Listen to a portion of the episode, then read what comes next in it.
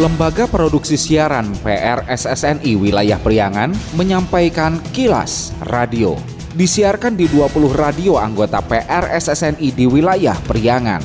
Dan kilas radio edisi kali ini di antaranya mengenai Polisi tetapkan tersangka pencabulan siswi Madrasah Aliyah di Tasikmalaya Selatan.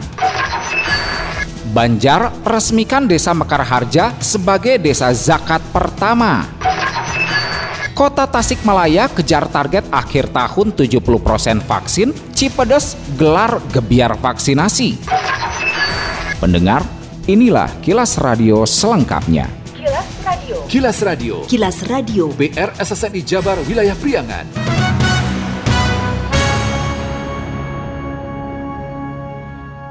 Polisi menahan dan menetapkan inisial AS, pria berusia 48 tahun oknum guru ngaji yang melakukan pencabulan terhadap tiga santriwati di salah satu pondok pesantren di Tasikmalaya Selatan. Kapolres Tasikmalaya AKBP Rim Syahtono di Mapolres Kamis 16 Desember menyatakan awalnya disinyalir terdapat 9 santri yang jadi korban AS, namun setelah didalami hanya tiga orang. Menurut Kapolres, pelaku dalam menjalankan aksinya berpura-pura mengobati korban yang sedang sakit di asrama santri putri dengan menawarkan pijat. Pada saat anak ditinggal oleh santriwati lainnya sholat subuh, pelaku melakukan aksi bejatnya. Rim Syahtono menambahkan, perilaku menyimpang pelaku sudah terjadi sejak lima tahun yang lalu dan terakhir Agustus 2021.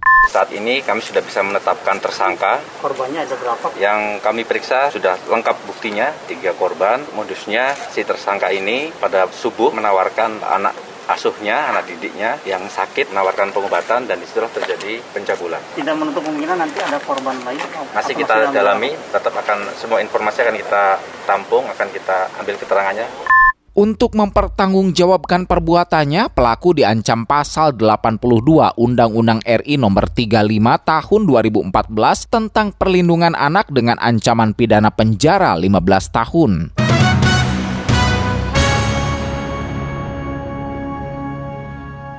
Masih informasi terkait Sejumlah pihak mengapresiasi kinerja Polres Tasikmalaya yang dengan cepat menetapkan tersangka pelaku pencabulan terhadap tiga santriwati di pondok pesantren di Tasikmalaya Selatan. Apresiasi itu disampaikan di antaranya oleh Ketua Komisi Perlindungan Anak Indonesia KPAID Kabupaten Tasikmalaya atau Rinanto, atau menyebut pengungkapan kasus pencabulan itu sebagai upaya untuk mengembalikan marwah pondok pesantren sehingga bisa dengan cepat pula sebagai bagian untuk mengembalikan kondisi para korban dengan upaya pemulihan psikologis. Menurutnya, pengungkapan kasus yang merupakan hasil komunikasi dan koordinasi bersama itu juga untuk memutus mata rantai korban dan anak lainnya. Kami menyampaikan apresiasi yang luar biasa kepada Pak Kapolres beserta jajarannya di mana dalam waktu singkat alhamdulillah tersangka seperti kita ketahui sendiri hari ini sudah bisa kita lihat dan sudah ditetapkan. Kemudian yang kedua bahwa ini tidak berdiri sendiri, ini adalah upaya-upaya terbaik bagaimana kita menyelamatkan dan mengembalikan marwah pondok pesantren. Sehingga yang kami lakukan ini adalah hasil dari sebuah komunikasi, koordinasi dengan semua pihak termasuk dengan keluarga sehingga dengan niatan bahwa memutus mata rantai supaya tidak terjadi korban korban-korban lagi berikutnya, kemudian menyelamatkan anak-anak lagi berikutnya, sehingga langkah ini langkah yang memang memang sulit tetapi ini harus diambil. Dan kami mengharapkan ini adalah kejadian yang memang terakhir kalinya di Kabupaten Tasikmalaya dan ke depan marilah kita sama-sama menjaga melindungi anak-anak di Kabupaten Tasikmalaya. Apresiasi yang sama juga disampaikan Ketua Pengurus Cabang Nahdlatul Ulama PCNU Kabupaten Tasikmalaya Kiai Haji Atam Rustam. Ia berharap masyarakat tidak beranggapan negatif terhadap pondok pesantren dan tetap mesantrenkan putra dan putrinya. Atam berpendapat masyarakat dihimbau tetap tenang dan tak mempercayai hoax yang beredar karena sudah dipastikan pelaku adalah oknum salah satu pengajar atau guru, bukan pengurus atau pemilik lembaga atau yayasan. Ini oknum dari salah satu pengajar di pesantren, bukan lembaga dari lembaga bukan. Untuk itu kami berharap kepada masyarakat tidak menjadi ada ucapan-ucapan yang kotor terhadap pesantren. Tetap putra-putrinya harus belajar di pesantren dan mengikuti pengajian-pengajian di pesantren. Dengan adanya segera ditangani ini, alhamdulillah pihak masyarakat tidak ada lagi kenegatifan karena ini dilakukan oleh oknum. Siapa pun pasti bisa melaksanakan hal ini. Pusat Pelayanan Terpadu Pemberdayaan Perempuan dan Anak P2TP2A Kabupaten Tasikmalaya melalui Ketua Hariannya Aan Yuliarti menjelaskan, pihaknya kini akan lakukan pendampingan kepada para korban dan keluarga guna pemulihan kondisi psikologisnya. Aan juga menyebut pihaknya akan berkoordinasi dengan kementerian terkait untuk penanganan selanjutnya. Terima kasih kepada KPI dan juga Polres Kabupaten Tasikmalaya yang telah begitu sigap dan cepat. Dari kami itu tentu akan kelanjutan dengan pendampingan keluarga, korban dan juga lingkungan untuk ke depannya supaya kembali pulih untuk psikisnya dan juga kami berkoordinasi dengan tiga kementerian yaitu Kementerian Koordinator PMK, Kementerian PPA dan Kementerian Sosial untuk lebih menindaklanjuti untuk ke depannya dengan apa yang kami berikan baik bantuan secara moral yang harus didapat oleh para korban dan keluarga dan juga bantuan psikososial dan juga pemulihan terutama pemulihan pada korban, keluarga dan juga lingkungan.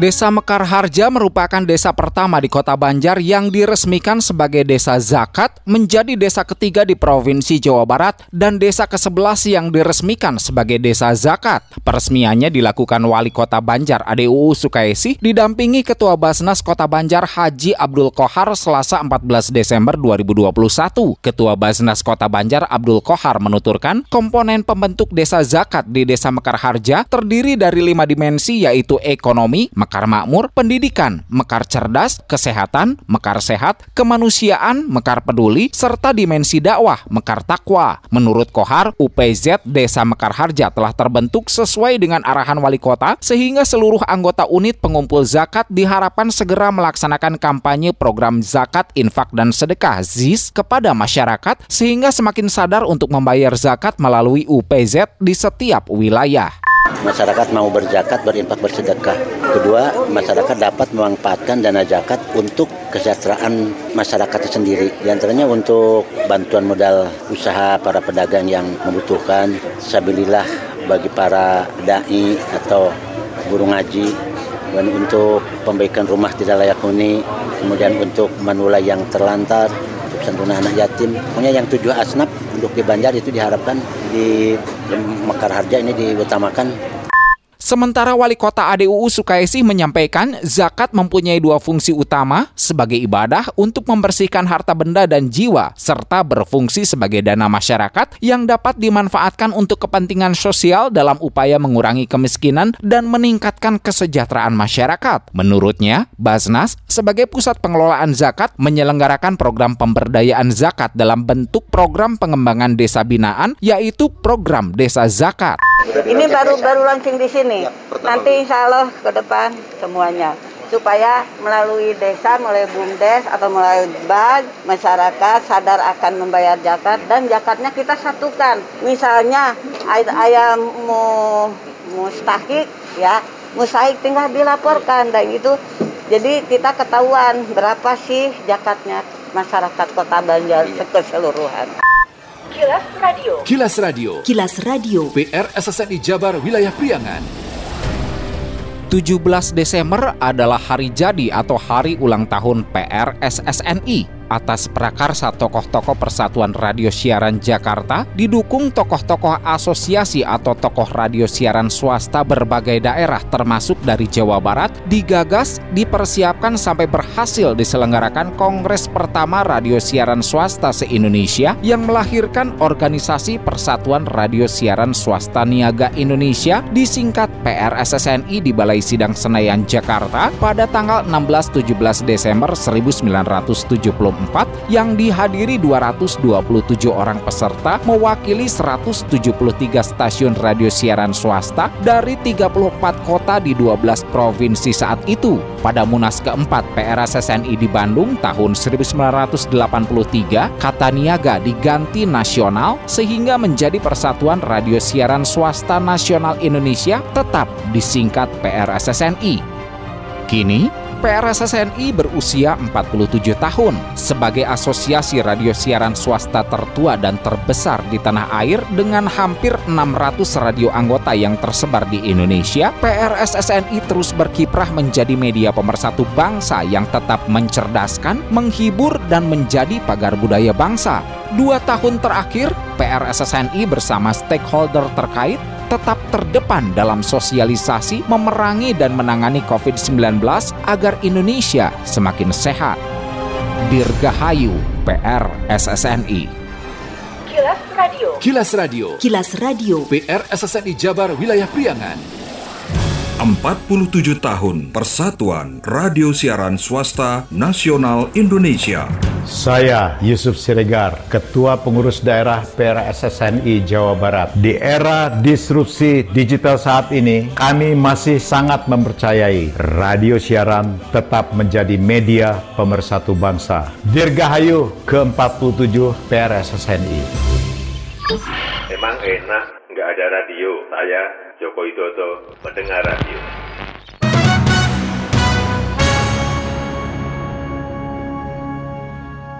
Bupati JJ Wiradinata mengatakan capaian vaksinasi dosis kedua di Kabupaten Pangandaran telah lampaui 70 persen, namun dosis keduanya belum penuhi target. JJ menyebut kini pihaknya terus kebut pelaksanaan vaksinasi agar bisa secepatnya bisa capai herd immunity meski target akhir tahun harus dilampaui hingga awal 2022 mendatang. Vaksin kita dosis satunya 70 hampir hampir hampir 80. Dosis duanya hampir 60. Akhir tahun saya ingin 70 sih karena melebar sampai dengan Januari. Januari 70 70 sudah selesai semua.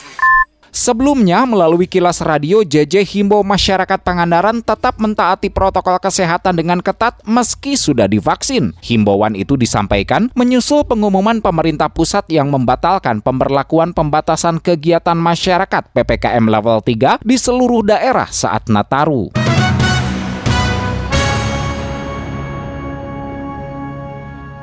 Pemerintah Kecamatan Cipedes beserta unsur Forkopim Cam setempat menggelar gebiar vaksin dosis pertama dan kedua bagi masyarakat yang belum mendapatkan guna mengejar target 70% capaian vaksin tingkat kota Tasikmalaya. Kapolsek Indihiang Komisaris Polisi Didik Rohim Hadi mengatakan gebiar vaksin sebagai upaya memenuhi target capaian vaksin 70% hingga Desember setidaknya di wilayah hukumnya di tiga wilayah masing-masing Indihiang, Cipedes, dan Bungur Sari. Tak hanya vaksinasi, menurut Menurut Didik, Polsek Indihiang juga memberikan apresiasi dengan membagikan 300 paket sembako terhadap warga yang divaksin.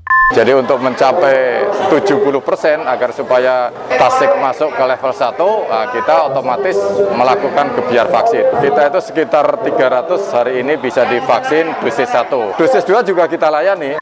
Sementara Camat Cipedes Yuda Permana menjelaskan pihaknya bersama Forkopim Cam Cipedes melaksanakan gebiar vaksin dengan sasaran lansia, pelajar, dan umum. Diakuinya, vaksin dengan jemput bola menyasar masyarakat dengan yang tidak dapat datang ke tempat-tempat vaksin akan didatangi petugas dan dilakukan vaksin. Setiap puskesmas tentunya setiap hari memberikan pelayanan terhadap vaksin, kemudian juga kita melaksanakan jemput bola ke tiap RT dan RW agar masyarakat tentunya bisa lebih dekat untuk bisa divaksin.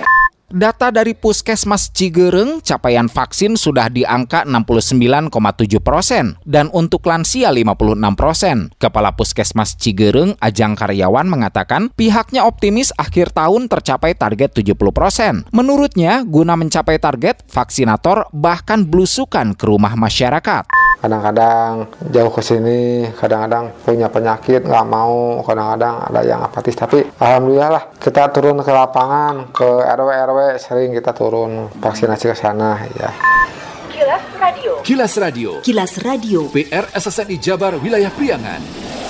Sekian Kilas Radio. Saya Dido Nurdani beserta tim Kilas Radio Priangan. Salam PRSSNI Kilas, Kilas. Radio